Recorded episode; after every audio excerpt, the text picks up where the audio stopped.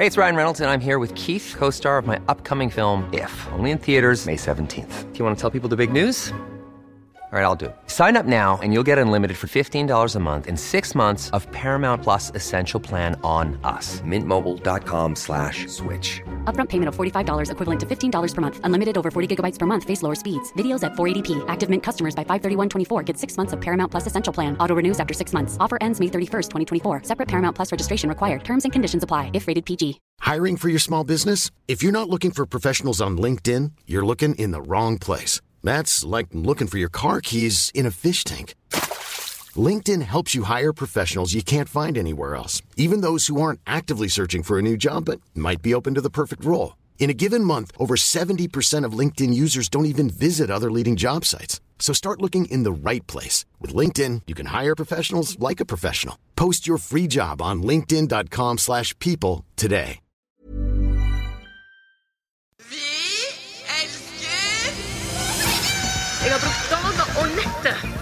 På i her, og så skal jeg stå her og få kjeft. Ned, så du.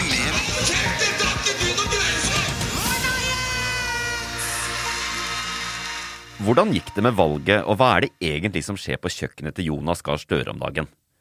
Hvorfor gjelder ikke smittevernreglene blant svette og lett berusede politikere? Og hvordan går det med Oslo i den forferdelige første uken etter innstrammingene i elsparkesykkelmarkedet? Alt dette får du mer om i ukens utgave av Hashtag nyhetene. Mitt navn er Øyvind Svendsen.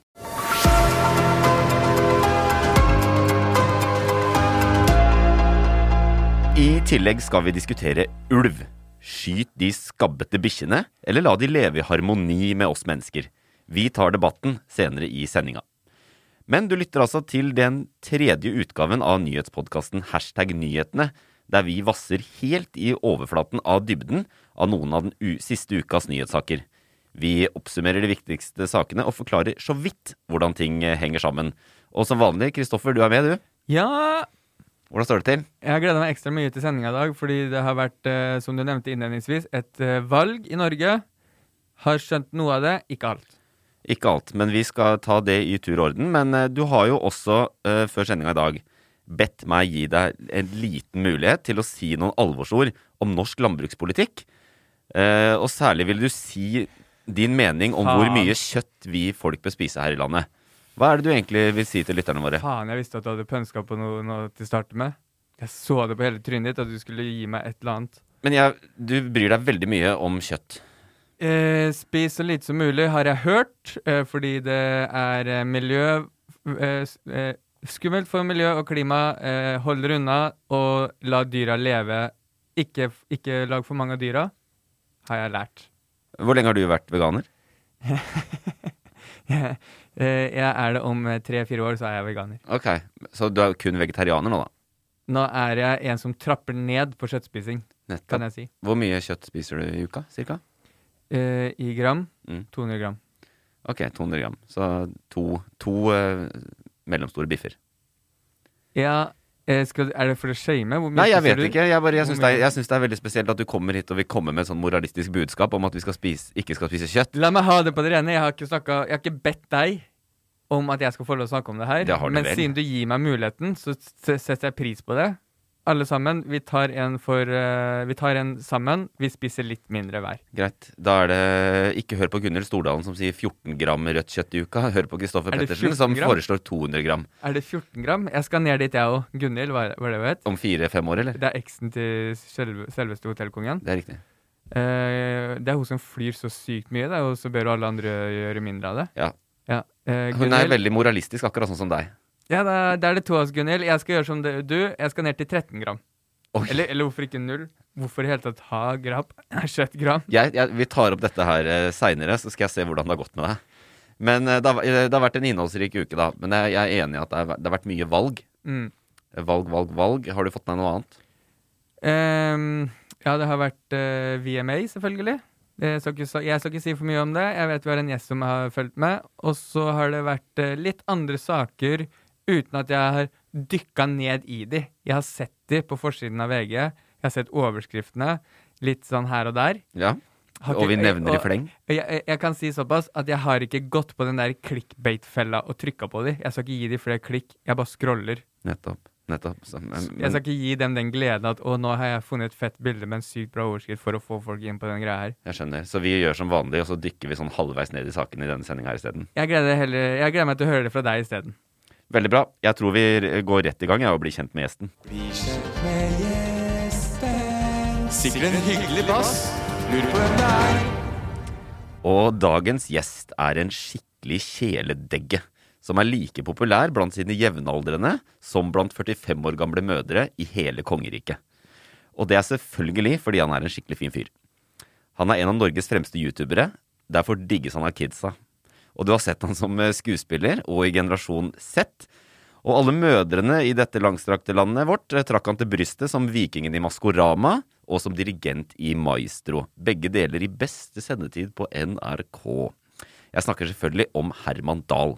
Velkommen, Herman. Tusen hjertelig takk for en introduksjon. Ja, intet Herregud. mer, intet mindre. Ikke mer, intet mindre. Hvordan, eh, hvordan går det? Eh, jo, ganske bra. Eh, det er, begynner å bli høstvær, merker man på. Så det er også, da får man litt sånn høststemning.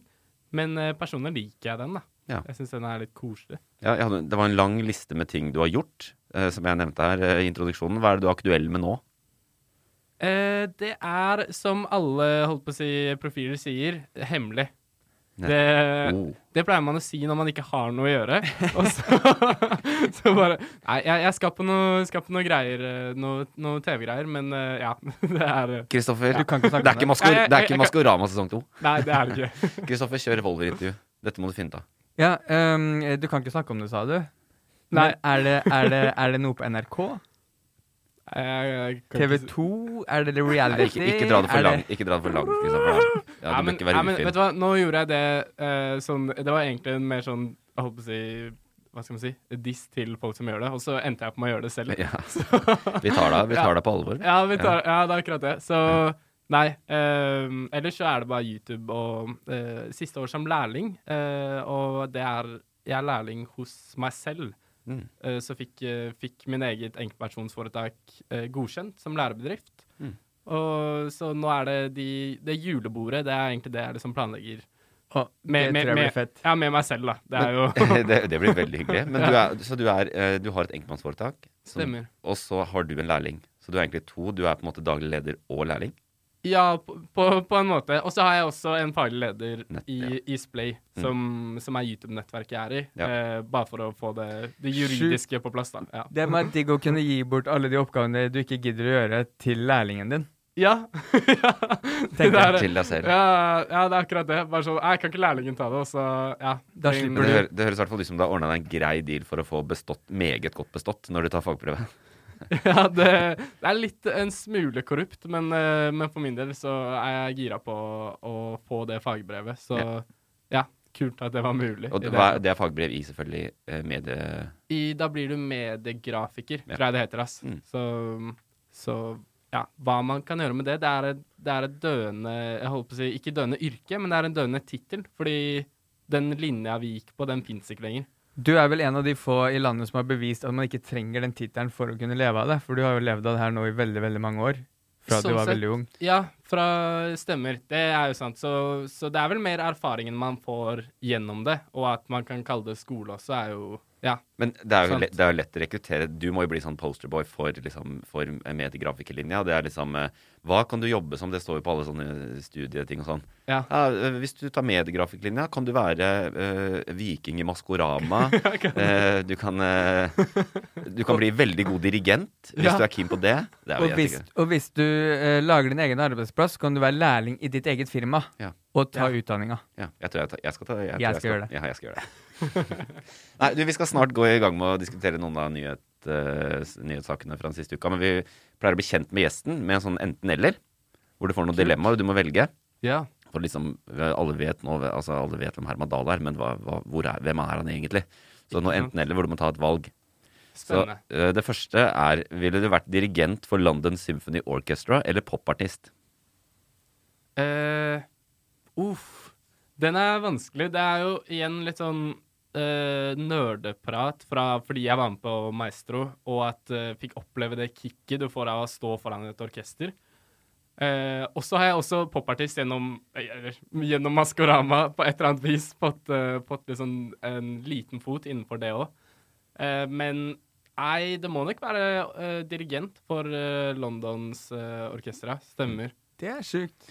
Jeg ser den. Men det, du er jo liksom Du er jo influenser, og det, du har gjort alt allerede. Du kommer jo til å gi ut en låt òg. Om det er med Mats Hansen eller hva det er, så kommer du til å komme en eller annen gang. Ja, det, man tråk, tråkker fort i den fella der, ja. Så, Eller som dirigent. Eller som dirigent, ja. Det hadde vært helt rått. Ja. Ja. er Dirigere Mats Hansen. Ja, dirigere Mats. Ja, det- Sommerkroppen. Ja, ja, da tror jeg du får timingtrøbbel uansett. Ja, Ja. ja, sant. Hva foretrekker du? En kveld på Maemo eller taco hjemme? Eh, taco hjemme.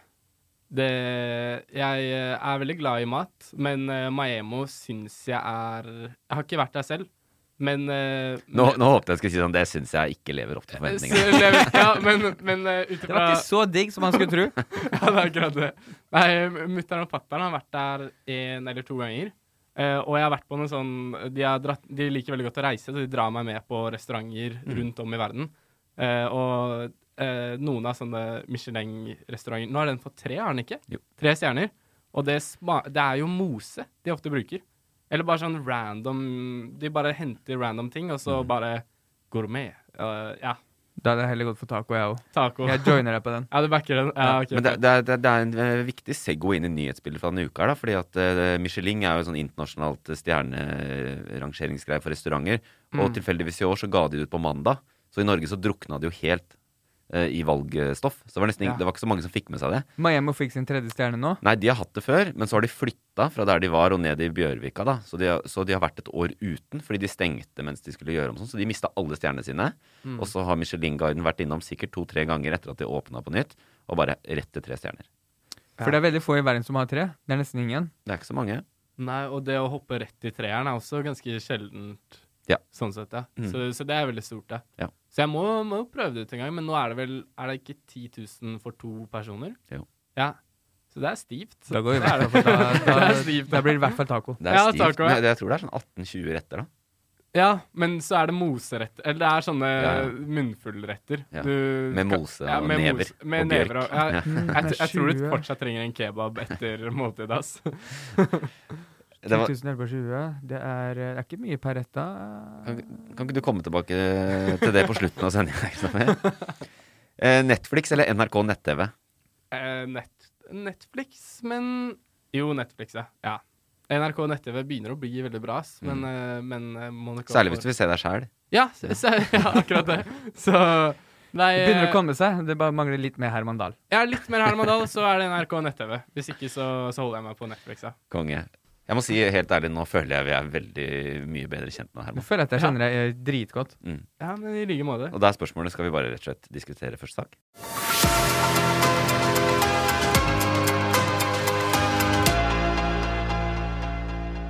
Valget. Valget er over. Noen satt oppe og så de 3 3156 stemmene sakte, men sikkert bli talt opp. Og det betyr det at 77,2% av de som har stemmerett i Norge, eh, møtte opp. Møtte dere opp? Selvfølgelig. På stemmedagen? Ja. Eller har du stemt? Nei, ja, ja, ja, Jeg bare skøyt inn. Har dere brukt Sånn, stemmeretten? Sånn, ja. Stemmeretten har jeg brukt, ja. Ja. Eh, men ikke på selve dagen. Nei, nei. For. Det var en- Du du spurte så strengt at jeg ble redd for å svare. Jeg jeg det til også. veggs. Jeg var litt morsk. Det var ikke meninga. Nei, nei, men ja, det å stemme må man gjøre. Ja. Herregud, det er ikke det en selvfølge. Men nei, det er ikke en selvfølge for alle, fordi det var jo da 77. Så, ja, så det var var 22,2 Nei, 22 prosent da, som ikke møtte opp. Det er sikkert de barna som ikke har lov til å stemme. Under 18. 2,8. Eh, nei, dette er jo de Ja, det var- Ja, Kristoffer. Det er riktig. Um, det er veldig bra at dere bruker stemmeretten. Uh, men uh, jo, det er det jeg skulle si, Herman. Det er jo din, eh, din kidsa. Det er jo din gruppe som stemmer minst. Ja, men det er ikke helt eh, riktig. Fordi det er eh, fra 20 til 24 som stemmer minst. Ah, du, er ikke, du er ikke så Så gammel. jeg, så jeg er ikke så gammel ennå. Så jeg er i den midtfasen, 18 til 20.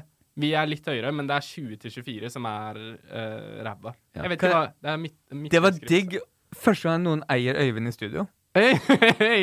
Å, ja, du burde lagd sånn Jeg så- Åh, Er det fordi du ikke vet hvor gammel Herman er, eller fordi ikke du har fulgt med på statistikken? Uh, det er nok dessverre det andre, fordi jeg visste faktisk at Herman var 19. Jeg gjør faktisk research på gjestene, i motsetning til du som bare møter opp her.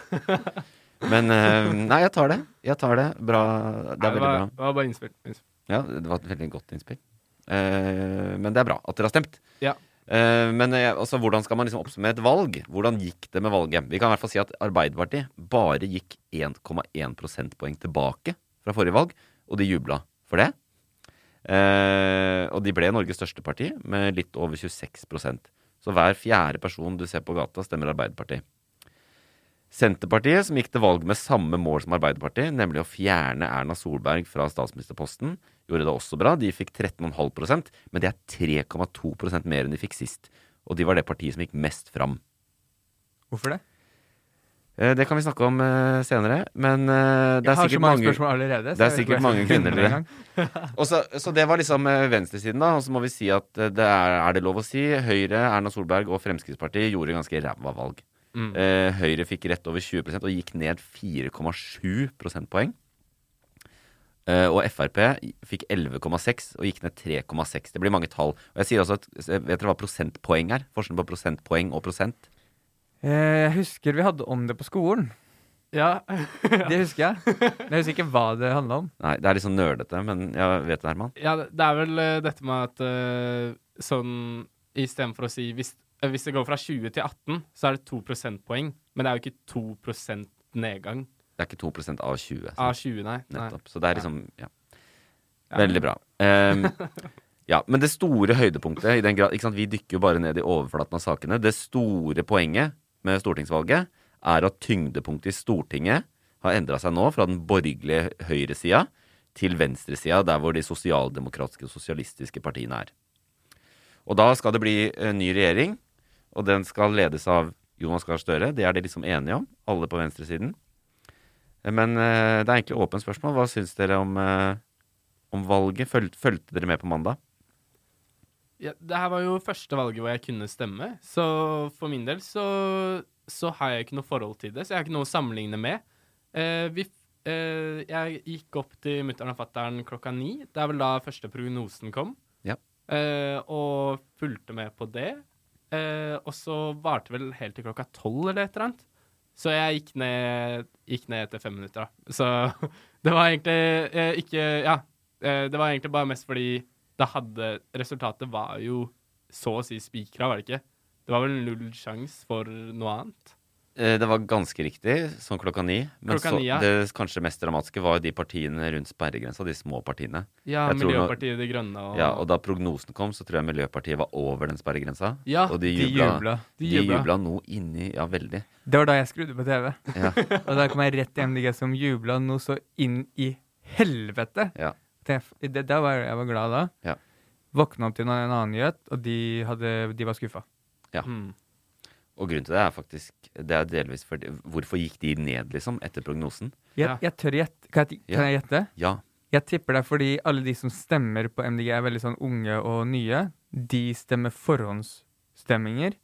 De som er litt sånn eldre, de stemmer litt uh, andre partier. Og de eh, av tradisjon stemmer på valgdagen, bare fordi det er som å pynte juletre på julaften-greie. Det er riktig. Og så er det Mm. eh, primært faktisk eh, eh, mesteparten av forhåndsstemmingene Det er mer forhåndsstemming i byene.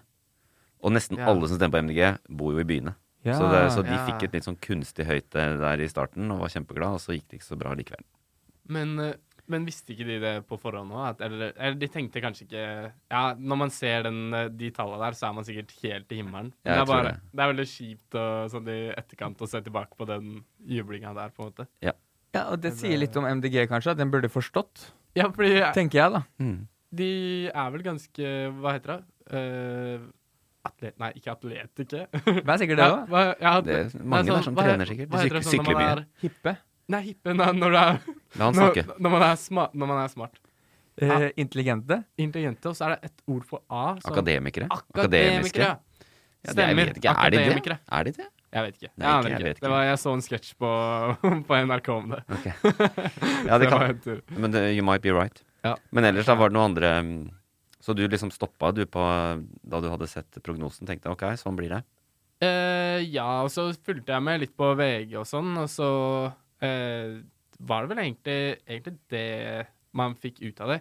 Sånn eh, Nå har det vært åtte år med en høyre eh, over, ja, høyreregjering. Mhm. Um, så, så det er vel kanskje også sunt da, å få bytta ut litt etter åtte år. Jeg vet ikke om noen har, har noen sittet lenger enn åtte år? Ja. Ja, det er det. Eh, ja, men de har ikke blitt eh, I, I USA så er det bare maks åtte år, og da må du bytte, må man ikke?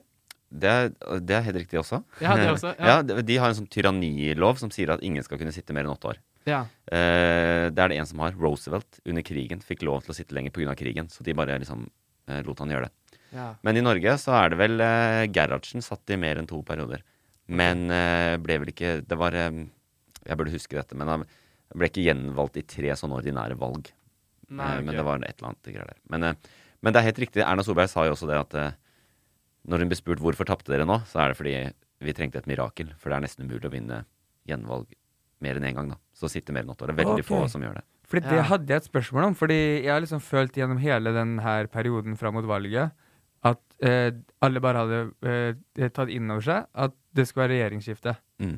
Og så var det helt greit. Det føles som Erna bare tenkte sånn OK, greit, det blir regjeringsskifte. At, hun bare, at det var bare gitt opp, men det er fordi man bare går med på det. Ja, det er litt sånn Mm. Men det er litt vanskelig fordi at eh, sånn som Høyre er jo dritgode på valgkamp. Og både i 2013 og 2017, de to siste valgene, så syns jeg de har vært helt rå. De kan være ganske skitne, de kommer opp med noen drittpakker og sånn, men de veit akkurat hvordan de skal uh, vinne valg. Og let's face it, kommunikasjonsbransjen er kanskje litt mer blå enn rød. Så de er dritgode på det der. Uh, Ja, men de i hadde, års de hadde ganske sånn fett Snapchat-filter i fjor. Det hadde ikke dette året her. De hadde ikke det engang, nei. De Så- hadde det Erna-greiene og sånn. Ja, de Erna Ja. også, ja. Så I jeg tror, jeg, jeg tror det var problemet, at de ikke hadde Snapchat-filteret. Det jeg savna. Men det er bare mennesker. Kanskje de blir slitne òg. Og de jobber jo hele tida, de rundt regjeringsapparatet og de politikerne. De har holdt på i åtte år. Det er kanskje vanskelig å liksom finne energien, da. Men er det alltid sånn at uh, når uh, Ok, nå har Høyre vært i regjering, så da, da bytter man over til rød side. Er det alltid sånn? Du bytter fra venstre til høyre? Eller kan man gå over til en annen si uh, parti på rød side? Eh, Det er ingen Eller har det skjedd, da? Før? Det er ingen hovedregel, men i Norge så er det jo på en måte hovedsakelig i etterkrigstida så er det liksom Høyre eller Arbeiderpartiet som har statsministeren, fordi de er de to største partiene på hver sin side. Men det er noen unntak. Men uh, hovedsakelig er det sånn. Og nå ble det jo sånn at hvis vi skal snakke om det Det er veldig sånn knotete det som skjer nå, egentlig. Jeg spurte i introen der hva, Mm. hva driver de med på kjøkkenet til Støre. I dag var det SV-lederen Audun Lysbakken som var der. Prosjektet til Støre? Ja, ja, Og, fikk, eh, og det er så kleint, vet du, sånn intervju etterpå. Ja, hva fikk du servert? da? Han fikk eh, hjemmelaget solbærsyltetøy og kaffe. Æsj, lame! Jeg, jeg, satt igjen med, jeg satt igjen med mange spørsmål. Primært, hva hadde han syltetøy på? Jeg håper ikke han spiste Rett syltetøy. på tallerkenen. Ja, bare rett på. MDG hadde gitt noe fetere der. Ja. Ja, det sant? kan hende. Det kan. Så stem på MDG neste gang, gir noe fetere. Ja, nei, men det er jo litt sånn um, Det er ryddig, da. Uh, Arbeiderpartiet ble jo det største partiet. Det er et klart flertall nå for at det er venstresiden som skal ta over makta. Men de må bli enige. Hvordan regjering skal vi lage? Men, men jeg har et spørsmål, fordi Ja. eh, det kom jo opp nå for jeg vet ikke hvor lenge siden, men at uh, han Trygve Slagsvold Vedum kunne bli statsminister. Ja. Men, men på den VG-greia så var det ikke noe bilde av han. Det var enten Erna eller så var det Jonas Gahr Støre. Så jeg føler han ble helt glemt opp. Eh, Kan han, kan han fortsatt bli statsminister, eller er han glemt, eller hva, hva skjedde med han? I praksis så kan han bli det, men jeg tror ikke han blir det. Og det er litt sånn Det som skjedde, var jo at Senterpartiets landsmøte gjorde et sånn vedtak om at Fordi eh, tidligere i år så hadde jo Senterpartiet sinnssyke målinger. De var nesten like store som Arbeiderpartiet. Oi. Og da tror jeg det partiet tenkte at vet du hva, i dette valget skal vi bli største parti. Ja. Og hvis vi skal bli det, så må vi også ha en statsministerkandidat. ja. Og da bestemte de at Senterpartiet nå skulle for første gang nominere en statsministerkandidat. Og det blir litt sånn derre åh, skal vi ha Det er bare det, det, Når valgkampen virkelig starta, så ble det sånn å herregud, skal, vi- vet at Jonas Gahr Støre blir statsminister hvis Jens siden vinner. Og så skal Trygve Slagsvold Vedum stå der og si sånn jeg er også statsministerkandidat. ja. Og så Men jeg tror, han, han har aldri sagt fra seg den, det vervet, på en måte. I valgkampen også har han gjentatt at jeg er statsministerkandidat, og så får vi forhandle etter valget. Mm. Men nå er det, det er riktig som du sier, det er liksom Jonas eller Erna, og Vedum har ikke sagt noen ting, annet enn at han har sagt eh, vært liksom hinta om at eh, Jonas Gahr Støre blir statsminister. Og vi snakka om disse kjøkkenene til Jonas Gahr Støre. I går var jo eh, Vedum eh, på middag på kvelden hos Jonas Gahr Støre og snakka om hvordan de kan danne regjering når Jonas Gahr Støre blir statsminister. Så Ja. det, det blir Støre. Ja, ikke sant. Ja. Men eh, det med eh, Støre eller Erna, det var før valget. Ja, men når vi fikk resultatene og hvordan de tegner opp liksom valg og sånn, så ser man jo alltid på grafikken at å, blir det Støre-regjering eller blir det Solberg-regjering? Men det, det kan ikke skje nå lenger? Eller kan det faktisk skje? At det blir Eh, Erna som fortsetter som statsminister? Nei. Nei, det er ferdig. Det, det er ferdig. Hun er ferdig. Men det er, eh, det er det der som er litt sånn komplisert, fordi at det er jo Hvor mange partier er de? Det er jo eh, det er SV, Senterpartiet og Arbeiderpartiet. Men så er det også MDG og eh, Rødt. Og sammen da, så har de her fått 100 mandater på Stortinget. Og det er én ting alle de der er enige om, og det er å bytte ut Erna Solberg. Hvor, så, det er bare fordi de Fordi de er uenige og vil ha ny regjering på, som er på venstresida. Og så er det sånn at eh, for å danne en flertallsregjering Eller eh, eller for å danne regjering så må du ha flertall i Stortinget som sier at yes, du, dere kan danne regjering. Og det er 85. Sånn at de her har jo et overlegent flertall til å si at ja, vi skal ha Jonas Gahr Støre som statsminister. Men spørsmålet nå er hvilke partier skal inn i den regjeringa? Altså, det er heller ikke bestemt. Nei, det er det de driver og holder på med nå. Og, det, og det, de skal forhandle om det. Men, og først, det de driver med øh, på kjøkkenet til Støre, kaller de sonderinger. Det er bare å møtes og snakke og se kan det være mulighet for at vi kan danne regjering sammen. Og, og greia her, da, det som har gjort det komplisert. Før Erna Solberg så var det Arbeiderpartiet, Senterpartiet og SV som satt i regjering. En såkalt rød-grønn regjering. Men Senterpartiet, mye selvtillit for tida, eh, har vokst, men også egentlig endra seg litt som parti de siste åra. Og siden 2015 så har de eh, cirka, i hvert fall utover, så har de sagt sånn Det beste for Norge er en regjering med bare Senterpartiet og Arbeiderpartiet. Arbeiderpartiet sier nei, vi vil også ha med SV. Og SV sier ja, vi vil også sitte i regjering. og det som skjedde i valget nå, det som skjedde i valget var at de tre partiene, selv om venstresida Ok, nå blir det veldig teknisk, da.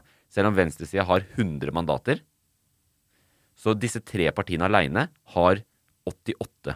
Eller var det 89? I hvert fall over 85. Ja. Så de tre kan lage en flertallsregjering.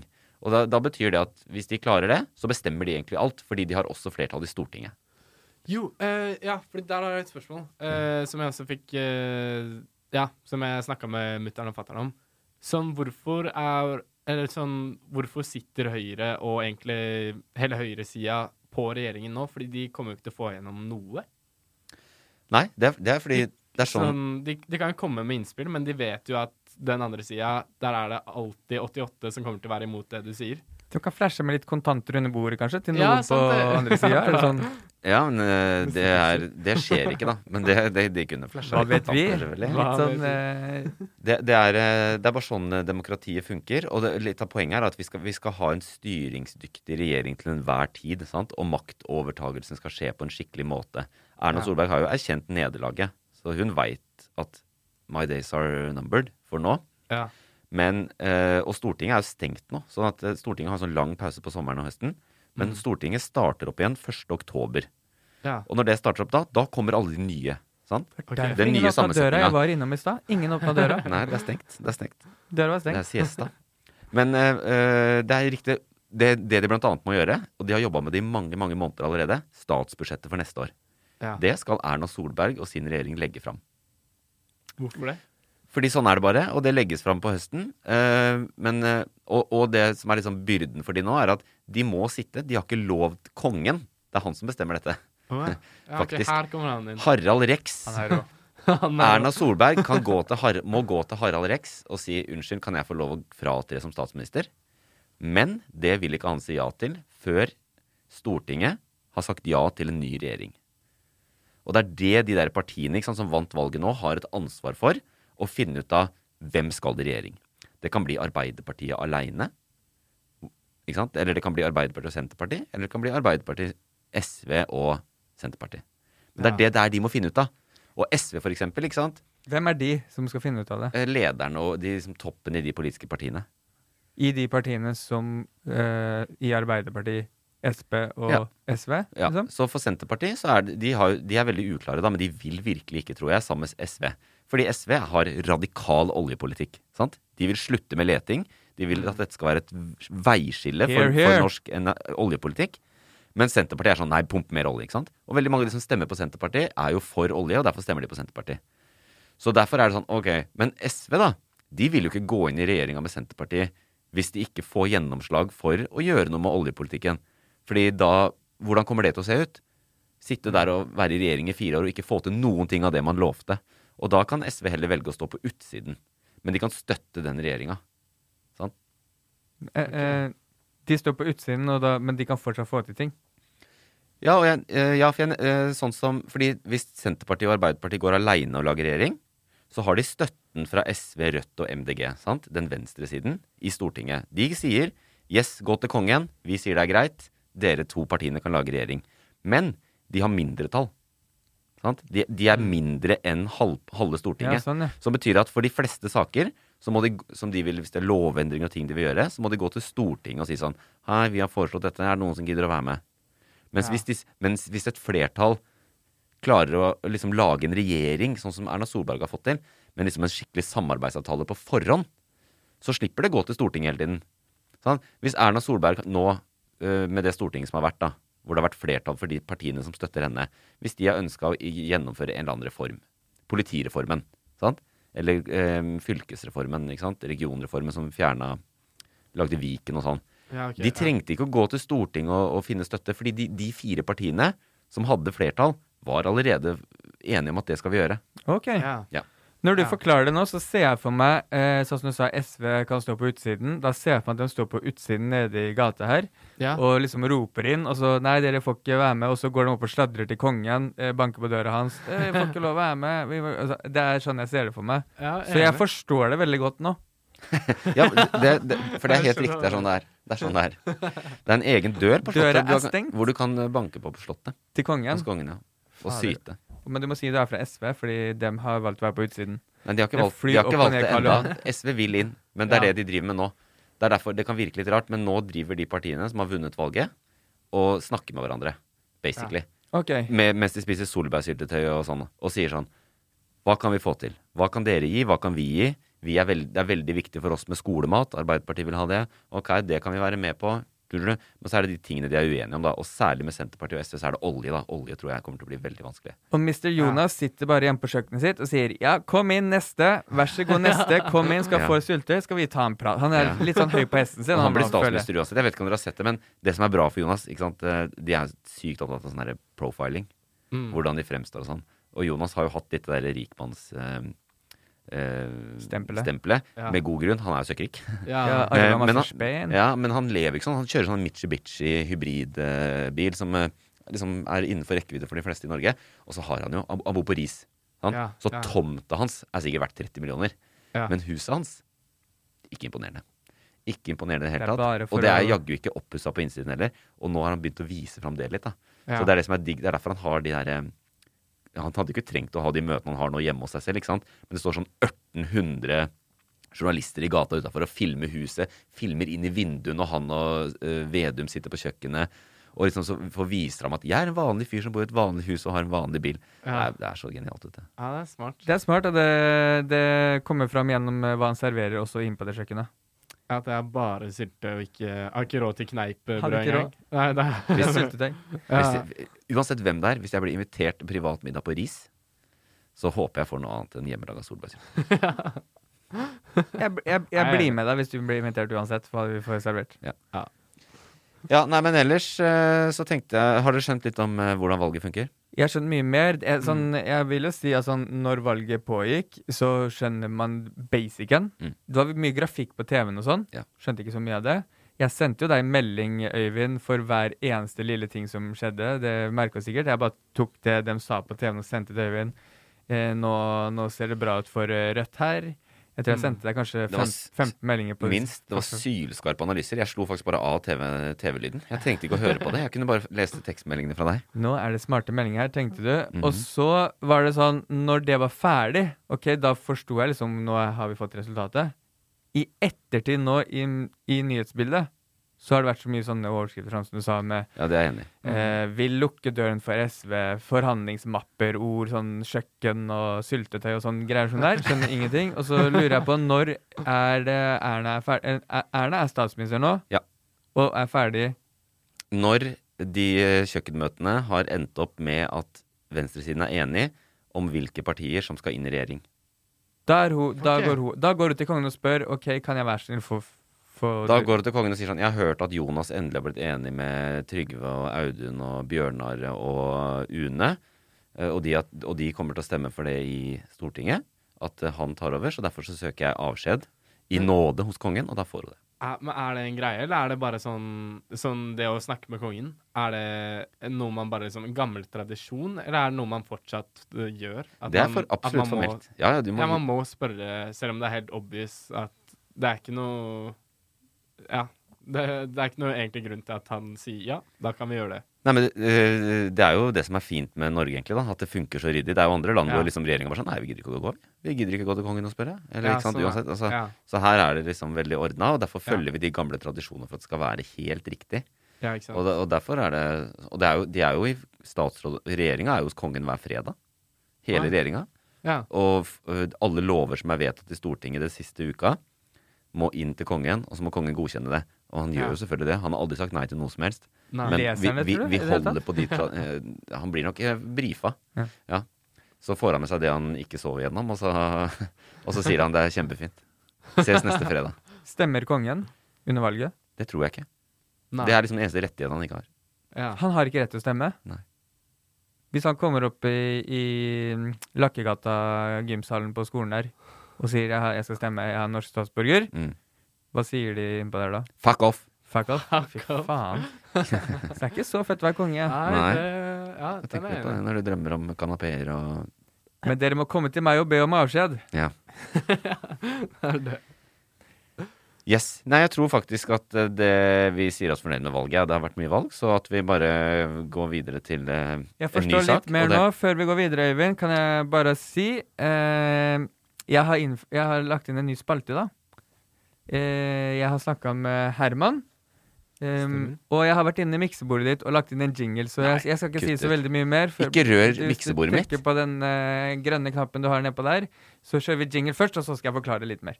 Du har lagt inn en jingle her til meg nå, Ja, på den grønne. ja takk. Hæ, Øyvind? Forklar oss, Øyvind. Vi skjønner ingenting. Det der skjønte jeg ikke en dritt av. Forklar oss, er du snill. Forklar, forklar. Forklar oss da, Øyvind. Vi skjønner jo ingenting. Øyvind forklarer! Øyvind forklarer! Wow! Fordi for meg så er du, som jeg har sagt til deg før, du er en person som vet alt om alt. Litt sånn irriterende. Eh, Jeg har lyst til å utfordre deg på det. Så jeg har ringt Herman før han kom med deg og spurte er det noe du lurer på. Du kan lure på hva du vil. Eh, og så kan du jeg du spørre Øyvind om det.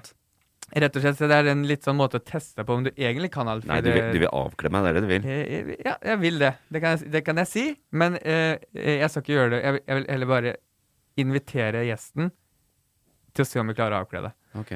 Så jeg har bedt Herman tenke ut noe som han faktisk lurer på. Og så, og det her kommer jeg kanskje til å gjøre framover med flere gjester, men eh, Herman har med seg en ting han lurer på i dag, som du må svare på.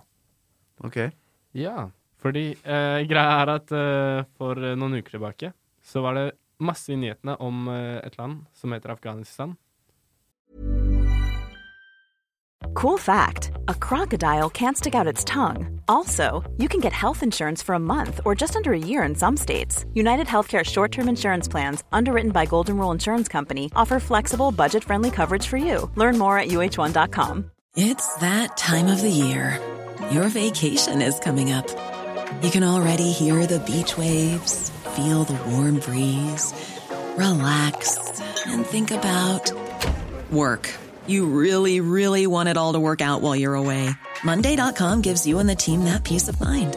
When all work is on one platform and everyone's in sync, things just flow wherever you are. Tap the banner to go to Monday.com. Millions of people have lost weight with personalized plans from Noom, like Evan, who can't stand salads and still lost 50 pounds. Salads, generally, for most people, are the easy button, right? For me, that wasn't an option. I never really was a salad guy. That's just not who I am. But Noom worked for me. Get your personalized plan today at Noom.com. Real Noom user compensated to provide their story. In four weeks, the typical Noom user can expect to lose one to two pounds per week. Individual results may vary. Hey, it's Ryan Reynolds, and I'm here with Keith, co star of my upcoming film, If, only in theaters, May 17th. Do you want to tell people the big news? All right, I'll do it. Sign up now and you'll get unlimited for $15 a month in six months of Paramount Plus Essential Plan on us. Mintmobile.com slash switch. Upfront payment of $45 equivalent to $15 per month. Unlimited over 40 gigabytes per month. Face lower speeds. Videos at 480p. Active Mint customers by 531.24 get six months of Paramount Plus Essential Plan. Auto renews after six months. Offer ends May 31st, 2024. Separate Paramount Plus registration required. Terms and conditions apply if rated PG. Ja. Og det var noe krig. Al Qaida hadde invadert. Ja. ja, jeg vet ikke. Ja, det var noe ja, Det var noe greier. Og nå høres jeg uh, helt stupido ut, men det er derfor jeg trenger deg. Hva, hva skjedde i Afghanistan, og hva skjer? Hvorfor hører vi ikke noe mer om et land som har blitt invadert? Er det, er det bare gone? Er det utsletta, eller hva, hva skjer? Ah. Jeg lurer på det samme. Jeg vil bare skyte inn det. Du høres ikke stupid ut. Jeg lurer på akkurat det samme. Så jeg er veldig glad for det. Jeg syns ikke det høres stupido ut. Um, Al Qaida hørtes uh, Ja, Al Qaida var litt bom. Det var bare det som jeg reagerte på. Men, Hvorfor er det ok. Eh, fordi at eh, det er ikke Al Qaida, det er Taliban som er aktøren her nå. Ja, ikke sant. Men Al Qaida er jo relevant på en måte, da. Så, men, men ok, nå må jeg strippe dette back. Spørsmålet er liksom hva, hva skjedde i Afghanistan? Ja. Hva skjedde? Ja, eh, dere vet jo det, jo det skjer jo nesten samtidig med at denne uka så det, er det Eller var det denne uka eller forrige? Så er det eh, 20 år siden 9-11. Ja. Og, eh, ikke sant? Eh, eh, flyene som fløy ned i tvillingtårnene i New York. Og det, det henger jo sammen med det, for det var etter det at eh, det, det var Al Qaida som sto bak. OK. Ja. Det er sikkert derfor jeg miksa Ja, Det var Al Qaida som sto bak, og, og da ledet av Osama bin Laden. Som Ja. er sånn tidenes supervillain som alle har hørt om. Uh, og det som uh, uh, skjedde da, var at USA erklærte sånn krig mot terror og sånn. Og så valgte man å invadere i Afghanistan. Og grunnen til det var at i Afghanistan så var det et regime som leda, som het Taliban. OK. Mm. Og Taliban aksepterte at denne terrororganisasjonen Al Qaida oppholdt seg i Afghanistan. Så etter 9-11 og den, eh, de flyene så ok, nå, nå blir det veldig lang historie her, da, fordi at det er 20 år siden. Men det er egentlig forklaringa på det som har skjedd nå. Så jeg kommer til det. Eh, men eh, det USA gjorde da, var å liksom kontakte Taliban, som var det styre, de som styrte Afghanistan, og si eh, dere må utlevere Osama bin Laden til USA. Vi skal straffe han for det han gjorde. Og så sa de nei, det går ikke. Forståelig nok. Ja. Ja. Men, ja, Ja, det- Eller kanskje ikke. Ja, det kan som. Men de ville ikke det, og da, da skjedde jo denne krigen mot terror. Og Norge har vært med, vi vet jo det, Norge har vært i Afghanistan kjempelenge. Og vi har, vært der siden 2001. Eh, og man styrta Det tok to måneder eller noe sånt, å bare eh, liksom utradere, få Taliban vekk fra makta. Eh, Vesten satte inn sine egne folk og, og andre afghanske eh, Et nytt regime, da. Og så har man vært der hele tiden for å holde liksom, kontroll på Afghanistan. For å holde ting uh, lavspenning. Og så har det også vært hele tiden en plan selvfølgelig at vi skal jo ikke være her for alltid. Vi skal jo ikke, vi skal ikke ta over Afghanistan. Til slutt må Afghanistan stå på egne ben. Bare 20 års tid, cirka. Ja, det ble 20 Ja. år, sant? Og det var det som skjedde i vår. Eh, Det starta, Trump har pusha veldig på det, Mm. men også Biden, som da til slutt tok ut de siste styrkene fra De amerikanske styrkene fra Afghanistan. Sant? Ja. At vi, vi i to, 2021, tidligere i år, så avslutta vi den eh, eh, krigen, rett og slett. Vi, vi dro derfra Norge også. Ja. Nå var det liksom over. Og det som skjer da, er jo at det var noe som het Taliban, eh, som, man, liksom, eh, som hadde gått fra da, å styre landet før invasjonen, til å bli en sånn opprørsgruppe som gjemte seg i fjellene og langt ut på landsbygda, og som drev mer lokalt, ikke sant, og bare venta på at vi skulle reise. Ja. Og det som, Som har litt røtter til uh, Al Qaida, kanskje? ja, det er et, altså, Taliban er en islamistisk gruppe. Så de er, de er, de, det er eh, Deres politikk er tufta på veldig på islamistisk tankesett. Altså eh, en sånn eh, drøy tolkning av islam for å drive politikk. Sant? Og det vet vi mye om. Altså Kvinnerettigheter og sånn er, er det som har vært mest snakka om her. Ja. Så bare for å eh, eh, At de blander politikk inn i en religion som egentlig ikke hører sammen. Ja. Ja, det, det, ja, det vil jeg si meg enig i. Men eh, så for å gjøre det en long story short, det som skjedde i sommer, var at ok, vi har prøvd. Vi fjerna Taliban for 20 år siden. Mm. Vi har prøvd å lage en liksom, skikkelig stat i Afghanistan som, som, som er bærekraftig, hvor de har egne sikkerhetsstyrker som vi har trent opp, osv., osv. Vi dro. Det tok 14 dager. Taliban gikk inn i Kabul, hovedstaden, og tok over makten. Og de som Den derre regjeringa som vi støtta, på en måte, de bare dro ut av landet. De stakk. Ja. Så det var egentlig ikke krig nå. De, mer eller mindre. Det var nesten ikke vold sånn sett. De bare forsvant. Ja. Og så tok Taliban makta. På én Og- dag, eller? Mm, Ja, ikke, ikke én dag. Det føltes sånn. Men det gikk Ja. veldig fort. Altså, det gikk sjokkerende fort. Og det er jo ingen som har sagt noe annet enn at dette trodde vi Vi visste at det, det var skjørt, og at man hadde bygd en stat som var eh, ikke liksom helt bombesikker. Men vi, det var aldri noen god tid å dra ut. Nå prøvde vi, Mm. og de kom med en gang. Og nå er det Taliban da som krever Som har tatt over makten.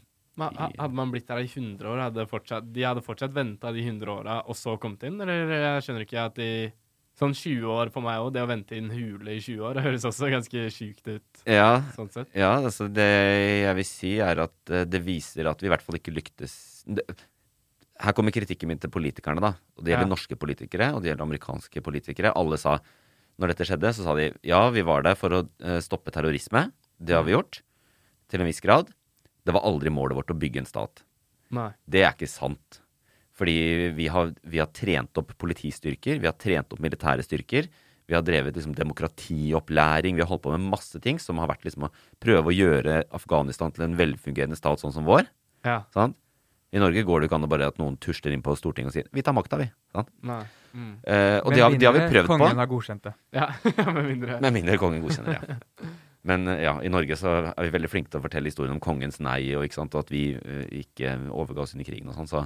Mm. Men her gikk det dritfort, rett og slett. Ah. Og da har du nå, etter uh, 20 år med liksom forsøk på en uh, velfungerende stat Vi går ut, smekk Taliban rett inn, og Afghanistan er nå liksom i praksis tilbake til å være sånn islamistisk styre. Og så Ja. vet vi ikke helt hva det kommer til å bety.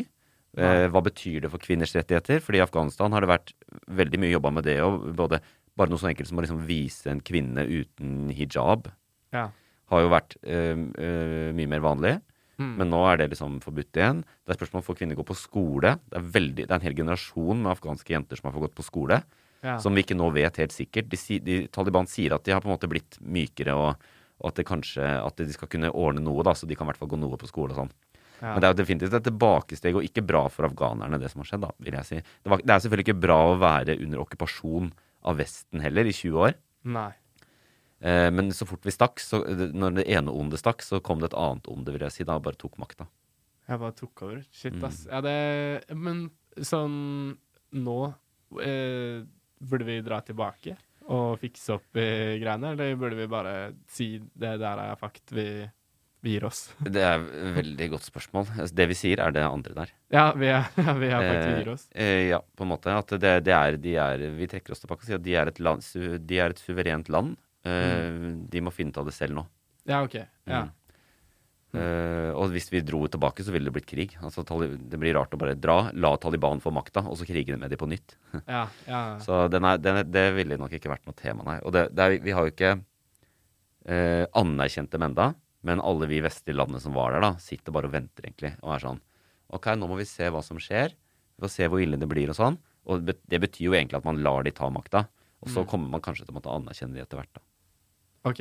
Ja, ja, for det var det jeg lurte på. Sånn, når man begynte å stoppe å høre om det i nyhetene, da har man bare Det er fordi det ikke skjer noe der, holdt jeg på å si. Det er bare Taliban som har tatt over, og de lever hverdagen som et i Talib Taliban-styret, på en måte? Eller er det Eh, ja, det kan du godt si. Ja, på en måte. Det er ikke krig der Nei, nå? Nei. nei. Nei, ikke sant? Men jeg tror det, det som liksom de bildene vi fikk, da, det er jo liksom synd ting med krig og konflikt og sånn, at man ofte får liksom de dram mest dramatiske bildene, ikke sant. Mm. Og, og da var det flyplassen. Ja. Fordi det som skjedde fra, Det så fra ja, Når dette skjedde, så visste man jo ikke hva er det Taliban egentlig skal nå. Skal de bare tusle inn og ta makta rolig, sånn som de mer eller mindre har gjort? Mm. Eller skal de hevne seg på Vesten? Skal de drepe alle hvite folk de finner? Mm. Vet ikke. Alle land fikk jo panikk, på en måte, og vi måtte evakuere våre. Ja. De som jobber på ambassader, de som, det som var igjen av forsvarspersonell og sånn, skulle dras rett ut. Mm. Eh, men så var det også veldig mange, særlig unge afghanere, som så at fuck, nå kommer Taliban, det gidder jeg ikke. Og så prøvde de å være med på de flyene da, for å flykte. Ja. Eh, sånn at de brøt seg inn, og liksom de internasjonale flyplassene i Kabul kollapsa. Mm. Det var folk på rullebanen og militærfly som tok av med mennesker på rullebanen. Sånn. Det var liksom den store dramatikken i det. Mm. Men ellers så har det ikke vært noe særlig sånn Det har ikke vært krig, det har ikke vært mye bombing og skyting og sånn. Og det er også fordi at Taliban har mye støtte i Afghanistan. Ja, ok.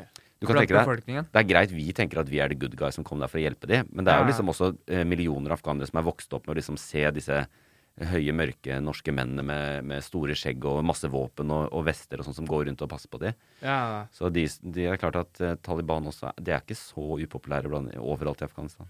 Men alle Nei, de som sant. eh, flykter Det er ganske mange, har jeg skjønt? Det er allerede ganske mange afghanske flyktninger. Hvor- Og så er det mange sånn internt fordrevne som, heter, som flykter internt i Afghanistan. Som gjemmer seg i landet? Ja, fordi de f.eks. ikke vil være i Kabul. Fordi der er, der er det farlig i hovedstaden for dem. Hvis de har vært jobba for Hvis du har jobba for amerikanerne, f.eks. Liksom vært tolk eller noe for amerikanerne, Ja. så vil du ikke være i Kabul når Tal- Taliban kommer og tar over byen, og så blir du internt fordrevet. Sånn som Quisling gjorde i Norge? Eh, hva mener du da til sammenligning? Eh, bare motsatt. Bare motsatt? Ja. Men, men eh, han gjør Ja, han, han, Jobba som tolk? Han, eh, jeg, jeg tror han gjorde et eller annet sånt der, har jeg hørt. Men eh, de flyktningene, hva gjør Norge for å hjelpe? Eh, Norge har vel sagt at vi skal ta hjem noen. Vi skal ta hjem de som har eh, hjulpet De som har hjulpet Norge, de som har jobba for Norge. For vi har også hatt masse tolker og sånne ting. Kjentmenn og sånn som har liksom hjulpet oss å navigere rundt der og sånn. Eh, de har sagt man skal eh, prøve å hjelpe. Og så skal vi Vi har jo eh, Regjeringa vedtatt 3000 flyktninger i året som skal hit i år. Og vi skal bruke den kvota, da. Så vi skal ikke ta inn flere flyktninger, vi skal ta inn, bruke den kvota til å ta inn folk fra Afghanistan også. Hvor er de nå? På rundt i verden? Eh, de er, de er, mange av de er i Afghanistan fortsatt. Men de som kom med flya og klarte å rømme? Ja, mange av de er jo her. Jeg leste en sak i dag om at eh, det er noen barn og sånn som er plassert på noen barnehjem i Norge, som venter på foreldrene. Fordi Wow. det var en del barn og sånn som ble tatt med på fanget til norske diplomater, liksom, som skulle til å gå om bord i flyet, og så var det bare en som ga dem barnet sitt. Mm. Ta det med. Da skjønner du at det er desperasjon, da. Ja, shit. Eh, ja. Så det er mange ting som er uløst da, i forhold til det der. Hvordan, man skal, liksom, hvordan verdenssamfunnet skal ta vare på de folka som er igjen der. Mm. Hm. Ja, jeg føler jeg har lært mer, mer om det nå. Jeg visste, visste jo Jeg har bare sett de der scenene med det flyet som er overlasta. Ja. Eh, jeg vet ikke om du vet om det. Hvordan gikk det med de? Det må ha gått gærent. Eh, det flyet som var, Det var jo Der hvor det liksom sto folk på liksom under vingene. Ja, det var noen som datt av og sånn. Ja, Som døde. Det var, det, Var det noen som overlevde hele flyturen? Mm, Ikke i julebrønnen og sånn. Fordi du vet, okay, de, de satt ja. på hjulet der, liksom hang seg der, og så går de opp når det er sånn. Men det, blir, jo- det er ikke isolert. Det, altså, det er Ja. flyfaglig, men det blir jo iskaldt der. Ja, sant, og vi ja. så jo på bildene folk som datt og sånn også, de døde. Ja. Altså, det var En av de har fått ansikt nå. Det var en sånn 17-åring som spilte på ungdomslandslaget til Afghanistan. Oi. 17-åring som hang seg på flyet fordi at han ikke ville være igjen. Ja, Så det sier litt om at eh, det er ikke bra, det som skjer der. Og det, mange afghanere er veldig bekymra. Ja, ja, shit. Eh, Siste spørsmål fra meg. Hva, eh, fordi Trump er veldig rask til å gå ut og si Biden har skylda. Men han var jo den som starta å trekke ut styrkene fra Afghanistan, eller er det Biden? Nei, Eller Trump var veldig raskt ute med å, å gi skylda til Biden. Ja. Men Trump starta å trekke ut styrkene. Ja, men Obama også hadde en, et ønske om det. Så jeg tror at det er en lang rekke med presidenter som starter med George Bush, eh, Obama, Trump og så Biden, som må dele ansvar for dette. Det er ingen helgener i denne saken eh, i presidentstolen i, i USA. Mm. Kanskje Trump. Ja, kanskje Trump. Trump for the win. Vi savner deg, Trump. Yes. fy faen, så mye bedre. Hvor bra hadde ikke livet vært hvis han fortsatt var Jeg savner det. nå. Daddy Trump. Ja, det er, er, er Irriterende. Du klarte å svare på absolutt alt. Var, det er var det mer du lurte på, Herman? Um, har du det bra? Eh, Jeg hadde før jeg måtte snakke om denne veldig triste saken. Det er jo kult at eh, Kristoffer i underholdningsprogrammet vårt lager en, eh, sammen der lager en spalte hvor vi ender opp med å snakke om veldig dystre og alvorlige ting. Jeg, jeg, er, det sånn at du gruer deg til neste gang nå fordi det, du kommer til å måtte sitte og svare Nei, på ting? Nei, det kan bare gå oppover, tenker jeg. Ja, så bra. Ja. Da gleder jeg meg til å høre hva neste person lurer på. ja. Men først så tar vi neste sak.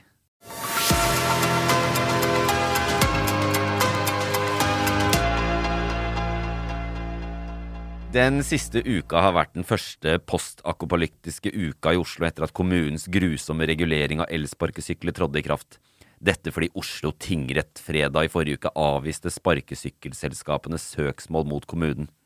Busser og trikker er fulle. Folk har ikke kommet seg dit de skal i tide. Arbeidslivet kollapser, og det har vært tilløp til vold mellom folk som kjemper om de ytterst få sparkesyklene som er tilgjengelig, når vi nå har gått fra så mye som 30 000 til 8000 sparkesykler her i byen. Men vi tre vi bor jo her fortsatt, og hvordan har det gått med dere denne første uka med så få sparkesykler? Det går, eh, det går inn på psyken. Eh, jeg eh, ja, merker at det er vondt å stå opp om morgenen. Uh, pleide vanligvis før å hive meg på en bolt bort til trikken, men uh, det kan jeg ikke lenger. Kommer litt mer for sent til jobben? Kommer litt mer for sent til jobben. Får kjeft fra arbeidsgiveren din? ja, så må jeg sånn der uh, samtale med sjefen. Det ja, går ikke helt fint. Nei, uh, så, sånn sett, jeg har uh, Jeg er vel Det er kanskje Det er upopulær mening, men jeg er fan av elsparkesykler. Selvfølgelig er du 19 år, du er en del av kidsa. Du skal representere dem. Og så er Jeg er fan. Så ser, ja. ja. Du er ikke en del av kidsa. Nei, og så ser jeg selvfølgelig utfordringene. Uh, både med blinde, men også, men også at det bare ser stygt ut uh, for bybildet. Mm. Uh, men jeg skulle ønske man, man, Jeg har sett nå noen steder at man har begynt å få soner hvor du parkerer. Jeg skulle ønske at man kanskje heller hadde funnet en større løsning av det enn om bare fjerne. Og i hvert fall sånn som du sa, at man fjerner Det er, det er 8000 maksantall, men det er ikke 8000 fra Voi. Det er 8000 fra de 17 eller 18 eller jeg vet ikke hvor mange 11, tror jeg det var. 11 er det, ja. ja ikke sant? Så det er jo eh, Det betyr jo at du må ha 11 apper, da. Med 11 bank-ID-er du har lagt inn, og eh, 11 forskjellige priser. Og eh, når du er trøtt på morgenen, så er det vanskelig å regne, regne på, rett og slett. Mm. Jeg er enig. Jeg har hatt det som en nødløsning hver gang jeg er sent ute til jobben. Uh, I dag var en av de dagene jeg fikk det som en smell, fordi jeg måtte jo gå veldig lang vei for å finne, og det var i motsatt retning. Jeg skulle komme egentlig enda mer for sent. Mm. Savner det, men uh, jeg forstår at det er ikke en rettighet å ha tilgang til sparkesykkel. Det er bare, en, uh, bare uvant akkurat nå. Ja, jeg, jeg, jeg, jeg, har et sånn Jeg er en vandrende liksom, selvmotsigelse. Så jeg hater elsparkesykler. Men det var ganske digg. Og jeg brukte, jeg, jeg brukte ganske mye. Jeg brukte ganske mye. Hva er det der for noe? Du hater det, men det var ganske Ja, fordi hele det greiene der, liksom, de ja, okay, selskapene her som bare sånn Hele Oslo bare sånn Hva skjer her, da? Er det noe nytt, eller? Og så er det plutselig sånn 17 selskaper som har 10 000 stykker hver, ikke sant? Ja. Og så blir Oslo helt for søpla, og så kaster folk ut i fjorden. Ja. Og så er det ikke aldersgrense, og så veit ikke folk om de skal bruke fotgjengerfeltet, veien eller spark... Eller, eller um, Sykkelfeltet? Eh, nei, hva heter det? Fortauet. Ja. Så det er bare det, var... det, blir så mye av det, og så er jeg litt sånn enkel, så jeg bare sånn Forbi hele dritten. Ja. Men eh, jeg vet ikke hva jeg mener lenger, fordi jeg har brukt det veldig mye òg. Og jeg har også hatt en sånn uke nå hvor jeg har tenkt sånn Shit, nå har jeg det travelt. Eh, hopper på en tier, ja. eller hva det heter. Og så er det ingen, så jeg må gå sånn halve, må gå halv, halvparten av dit jeg skal for å finne en. da. Det som er provoserende, er de som ikke klarer å kjøre ordentlig på de. Sånn, ja. ok, Folk uh, krasjer med de. Altså kjører. 95% av de som bruker det. Ja, akkurat mm. det. De 95% er de som er irriterende. Ja. Men selve sparkesyklene her, er jo helt greit, men det er bare å parkere det ordentlig, da. Du bruker dem jo, parker dem ordentlig. Kjør ordentlig. Ikke kjør ned andre mennesker. Ja, parkering er greit, men jeg lurer på sånn hovedgrunnen da, til at dette har blitt innstramma, handler jo om sikkerhet. Ikke sant? Det er veldig høye ulykkestall. Uh, det er mange som får alvorlige skader. Det har vært tre dødsfall i Norge knytta til det. Oi. Eh, og så har jo legevakta i Oslo har sagt sånn eh, De hadde sånn pressemelding hvor de sendte ut liksom bare sånn Nå må det gjøres noe, fordi det er helt kaos, og vi er liksom over, eh, vi, vi er overarbeida på helgenettene fordi det er så mange skader, og hodeskader. Ja. Mm. Så det er jo en grunn da, til at man regulerer, regulerer litt. Jeg så også de tallene, de er ganske sinnssyke. Mm. På sommertid så var det ganske mange hundre legebesøk per måned pga. Ja. elsparkesykkel. Og eh, greit nok for de som kjører og skader seg selv. De er ræva til å kjøre, men det går utover legevakta igjen fordi de blir overfullt. Og eh, de største taperne er jo de som bare er ute og går og blir påkjørt. Mm. Så derfor applauderer jeg fjerning av sparkesyklene. Vi kan komme litt mer for sent til jobb, eller bare dra tidligere hjemmefra. Ja Da da syns jeg noen kan skade Nei, det syns jeg ikke. Det, jeg syns uh, Jo, jeg, jeg, tenkte på det. Uh, 8000, er ikke det et ganske greit antall? eh, Nå vet vi ikke ennå, men i noen uker framover kommer vi til å se om tallene går ned i ulykker. Hvis man finner ut at 8000 er det riktige antallet, så syns jeg ikke at det skal være 8000 fordelt på 11. Da burde man bare kaste ut egentlig alle eh, Det her blir veldig venstrevridd tanke, da. Eh, men kaste ut alle aktørene, private aktørene, så kommer Oslo kommune med Oslo elsparkesykkel. sparkesykkel. Sånn som bysykkel, eller jeg vet ikke om det også er noe Bysparkesykkel? Ja, bysparkesykkel, ja. Jeg Mhm. vet ikke om bysykkel er statlig. Oslo kommune. Det er Oslo kommune, ja. Da, da syns jeg, hvis det bare skal være 8000, så syns jeg det er tullete at man skal ha 11 apper. Eh, og så er det heller en del av klimabudsjettet, eller hva, som vi begynner, kommer til å få inn etter hvert. Ja, ja, det kunne lett brukt penger, for de kunne tjent penger på det. og Det burde Ja. ikke vært gratis. Men eh, Nei, det, det, nei. det er bra politisk. Jeg syns ikke jeg er så venstrevridd, men det er Uh, Mer det å kaste ut private aktører. Da- er Ja, ja, jeg skjønner. Men Da kommer Oslo kommune til å gå til å kjøpe de dårligste sparkesyklene, så blir du bare irritert på hvor ræva appen er, og hvor ræva den scooteren er. Og så blir Og så det driver de opp prisene, for det er ikke noe konkurranse. Så banker vi på døra til kongen og spør om vi kan Kan vi være så snill å få kjøpt noen andre fetere? Men det er, det er jo mange tiltak, da. For eksempel, det er vanskelig å gjennomføre, men 18-årsgrensa er sånn åpenbart, syns Ja. jeg, da. Ja. Og så kanskje hjelmpåbud. I hvert fall um, Ja, det syns jeg egentlig. I er- hvert fall stenge det på natta. Nesten alle skadene er fyllerelatert. Det er der man trenger det. Det er jo det nå. Fra 11 til 5. Ja, sant, det- det har man fått, ja. Så- Og det er 16-årsgrense. Ja. Og du kan ikke kjøre på fortau. Og de driver og tar folk som kjører på fortau i over 6 km i timen. Ja. Som Ja. Ja. Så det er de greiene der. Så det er jo bare mer at man må i så fall ha flere sånne der Hva heter det? Tester. Mm. Eller ikke tester, men eh, ja, at man tar folk for det, på en måte. Ja. Ja. Ja, det er, jeg, jeg kan strekke meg til å si at jeg syns det er litt merkelig Eller det, den derre regelen de har. Eh, hvert selskap kan ha 667 Ja. eh, sykler. For det første, da tar du 666, Ja. tenker jeg da. Hæ, hvorfor? 666. Nei, det er. Number Ja. of the Beast, du kan jo ikke det? Eh, det er number of the beast, derfor tar du det, tenker jeg. Men så er det noe med den eh, appegreiene. Jeg kommer aldri til å gidde å ha 11 apper. Nei, det er det. Og samme sånn, du kan kjøpe sånn Voipass, eller det er sikkert i alle de andre appene også, men du mister jo litt poenget med det der månedskortet. Yes, og Voi har jo vært liksom de, har- og det her skal jeg, Nå skal jeg bli liksom forbruker, Øyvind, hvis det er greit. For de har jo vært eh, pionerer på de abonnementsgreiene. Og det er veldig Ja. mange som har hatt det. Og Voi har jo vært store. Og de er Mm. vel kanskje den største internasjonalt. Um, men Tire, Tier, whatever, eh, de har kommet eh, de lans- Tier. Tier, det er det det heter, ja. Sorry. Jeg tror, Da har jeg sagt det feil hele tida. Det har du. Jeg har, jeg har lagt merke til det flere ganger nå. Nå, nå, nå valgte jeg rette på det. Ja, takk. takk. Eh, De, har, eh, de sier sånn Nei, eh, 8000 er ikke nok. Det må være mer. eh, Fordi markedet er ikke metta. Liksom. Det er ikke nok tilbud nå for etterspørselen.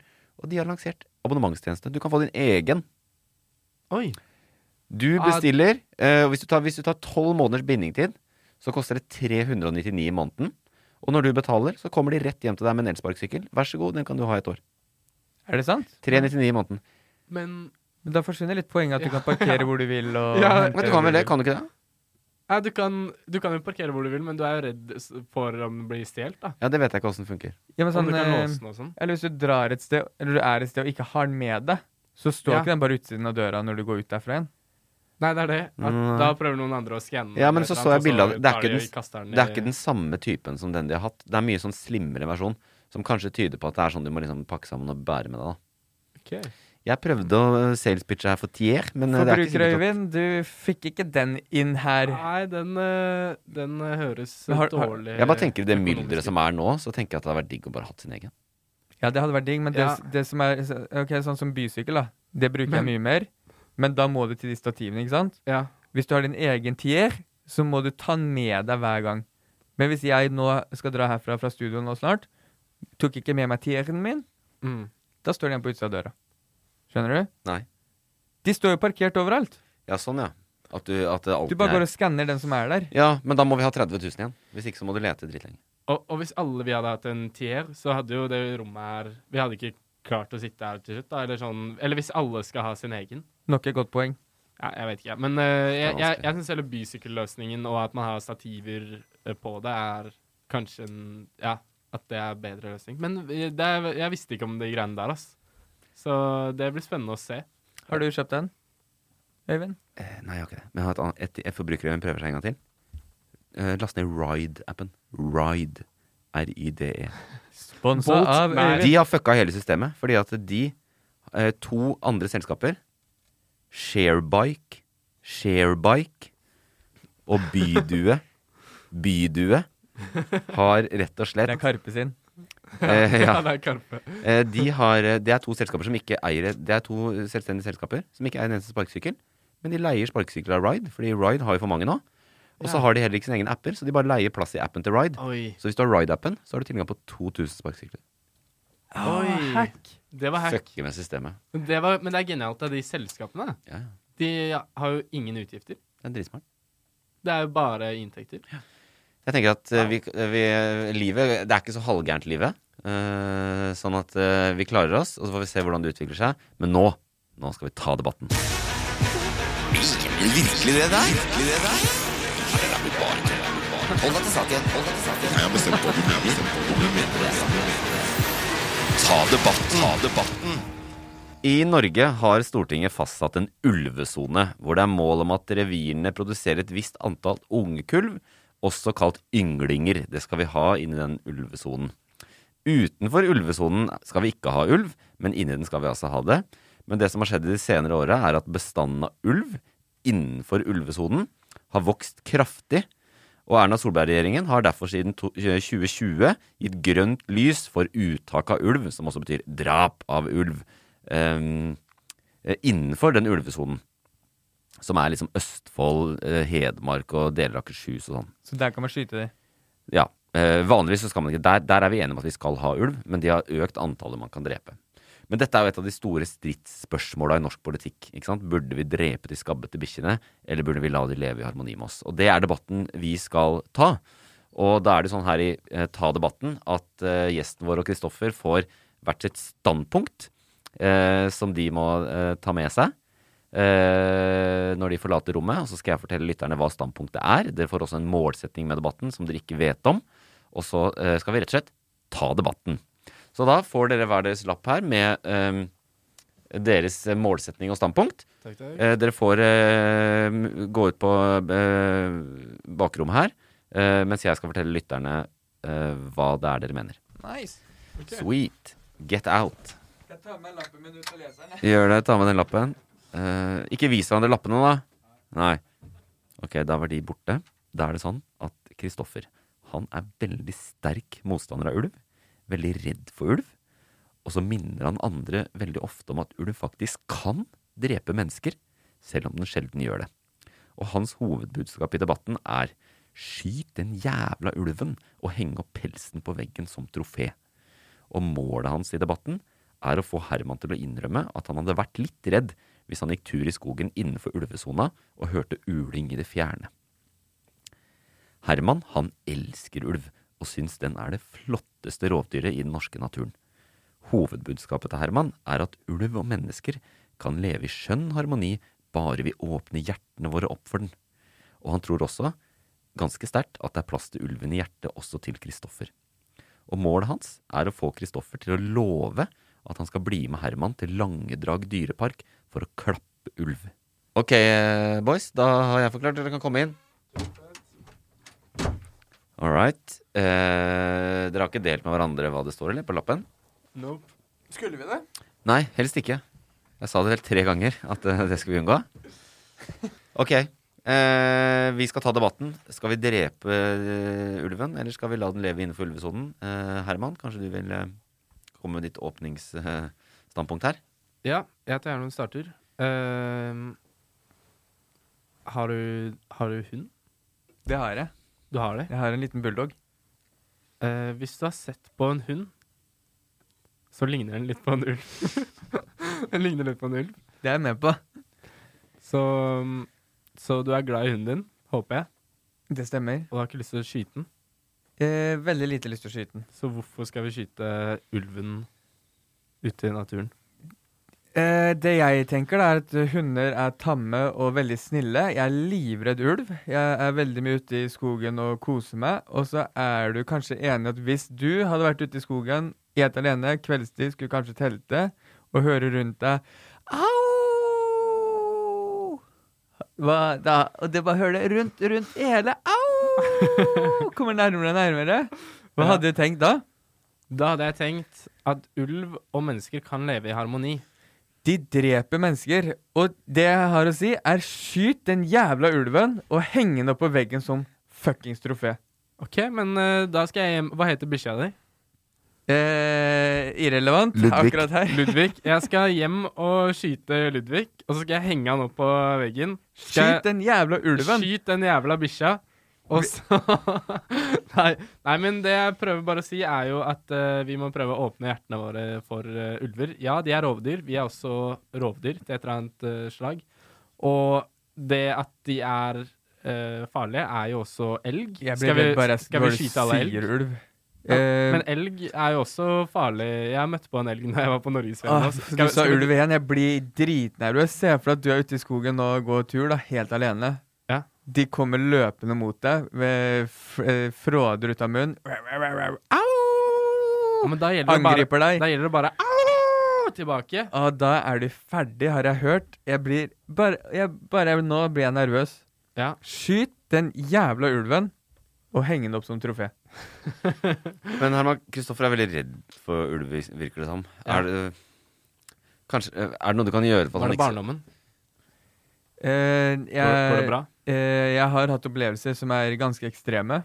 Ja. Eh, som jeg ikke har lyst til å eh, Jeg har ikke lyst til å påvirke deg i det, fordi du skal få slippe å få de, de bildene i, i hodet. Mm. Men se for deg at du er på tur, da. Du blir omringa av sinte, sultne ulver. De skal drepe deg. Ja. Du, hva tenker du? Men eh, nå vet jeg ikke statistikken for hvor mange mennesker som blir drept av ulv hvert år, men jeg tror den er tilnærma null. Eh, så Men Hadde du vært redd hvis du var innenfor ulvesonen og de omringa deg? Ja, men når, når skjer det her? Det er- men hadde du blitt redd da? Eh, jeg, har, jeg har nemlig vært på Langedrag dyrepark. Og jeg syns vi to eh, neste helg skal dra sammen. Og så skal vi klappe en ulv. Eh, det tør jeg ikke. Jeg er livredd ulv.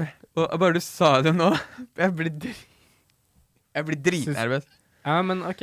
Blir du ikke litt redd engang når jeg sier vill ulv? Jeg, før var jeg litt redd for hunder, så jeg kan bli med hjem og klappe på han Ludvig. Ah. Eller, så, eller så kan vi bare bytte om, så skyter jeg Ludvig, og du klapper på hunden. Altså, eller Vi skyter ulven og henger den opp som trofé. Shit. Du, du liker å gjenta det. Men eh, Ludvig eh, kan også skytes og henges opp som trofé. Men jeg mener at både hunder og ulv er et mangfold i naturen, og vi skal ta vare på det. Men hunder er tamme, og Men- ulver er livsfarlige. Har du sett, Rovdyr. har du sett Istid? Ja. De der mammutene. Ja. sånn der, eh, de er jo daue nå, fordi vi skjøt Nei, jeg vet ikke. jeg. Tror vi skjøt det. Nei, vi gjorde ikke det. Hvis det var farlig, så heldigvis. Ja, men vi skjøt det. Og jeg skulle gjerne sett en mammut nå. Sammen med dinosaurene. Vi skøyt det. Men er det ikke derfor vi har filmen Istid? Nei. Nei. Det er fordi vi Tror det meg, eller? Tror det. Nei, men uh, jeg, jeg syns at uh, ulver er uh, søte dyr. De er litt sultne av og til, men det må man respektere. Jeg er livredd. Ok, boys. Eh, veldig bra jobba. Eh, nok en gang så blir vi ikke enige eh, i ta debatten, men kanskje fortelle hverandre hva dere hadde som målsetning. Kristoffer, hva var din målsetning? Få Herman til å innrømme at han hadde vært eh, litt redd hvis han gikk tur i skogen innenfor ulvesonen og hørte uling i det fjerne. Jeg, Ah. det, var ikke, det var ikke sjans. What? Nei. Jo, det vil Ja, jeg, jeg, da følte, jeg følte jeg overga meg litt eh, på den ene der. Ja, på slutten Ja, der. på slutten der, så ga, okay. da ga jeg, Ja. overga jeg meg litt. Hva var ditt uh, mål, da? Mitt var å få Kristoffer til å love. Å ja. Nei, shit, ass. Jeg burde dytta litt mer på deg. Fordi jeg skulle fått deg til å love å bli med meg til Langedrag eh, dyrepark for å klappe en ulv. Og det var veldig Og, og det var ikke Jeg fikk ikke noe Ja, jeg, jeg snakka meg bare litt bort fra det. Og vi Ja. begge gjorde det. Men eh, jeg hadde faktisk lyst til å være med. Ja, du hadde det? Ja. Ja. Men jeg måtte Men- jo være livredd for ulv, så det var veldig vanskelig for deg å få meg til å bli med på det. Det var veldig vanskelig Ja. for Herman, faktisk. Og Men så, eh, men så gikk jeg rett over på at jeg skulle skyte bikkja hans, så jeg skjønner at han ikke det må jeg si. eh, jeg var jo veldig imponert over inngangen, da. Ja. Har du hund, Kristoffer? Ja. Det var jo sånn kjempehersketeknikk. som, ja, eh, var- det handler om å bruke navn og spille på følelser til den andre Det var bra. personen. Men jeg må likevel si, da, vi pleier å være snille med gjestene våre, men uh, jeg lurer på om ikke Kristoffer kom lengst altså, i å nå målet sitt her. Vet du hva, jeg er enig, og eh, nå skal ikke jeg være politisk, men jeg, jeg tror også jeg er sånn Ja. sier det der. Jeg tror jeg også Jeg sliter også med Jeg også er redd for ulv. Ja, eh, og så la det være sagt, jeg er veldig for ulv, egentlig. OK. Ja, jeg, jeg har ikke satt meg nok inn i det, men jeg er også Ja. Jeg, jeg er redd for ulv, og jeg jeg, Fader, jeg skulle fått jeg, deg til å sagt det. jeg, jeg, jeg, jeg kjente meg igjen Nå i fikk han til å si det. Ja, men det sa jeg. Det, jeg sa ikke det på forhånd, men det der med å he eh, drepe de eh, kjøterne og henge det på veggen og sånn, det var jo grunnen til at jeg brukte det akkurat det, for jeg fant jo det på en sånn Facebook-post du har lagt ut, Herman, for sånn fem år siden eller noe. Er det sant? ja, ja, det var, ja, du skjønner, når jeg, når jeg var 14 år og begynte å drikke litt, så da, da ble jeg et rasshøl på Facebook. Her blir det tillagt meninger. Det er, vi skyter hofta. Men uansett så tror jeg vi må si at uh, Jeg tror vi må si rett og slett at Kristoffer vant debatten. Enig.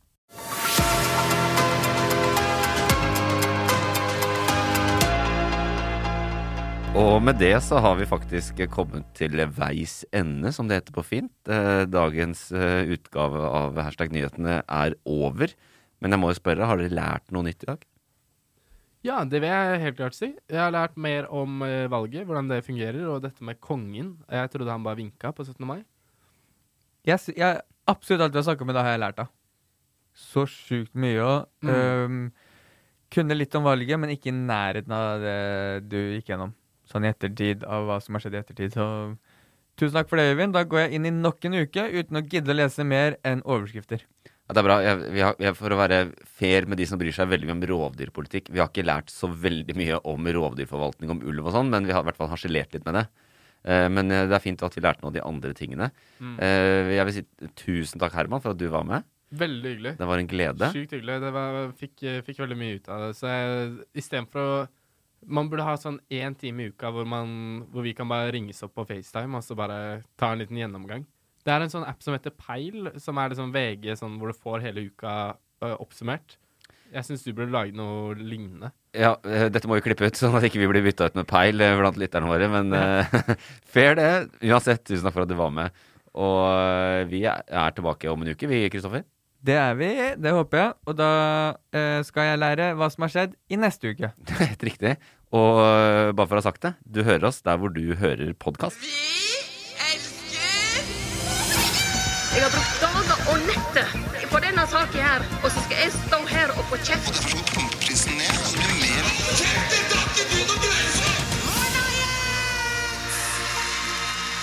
Produsert av Loff.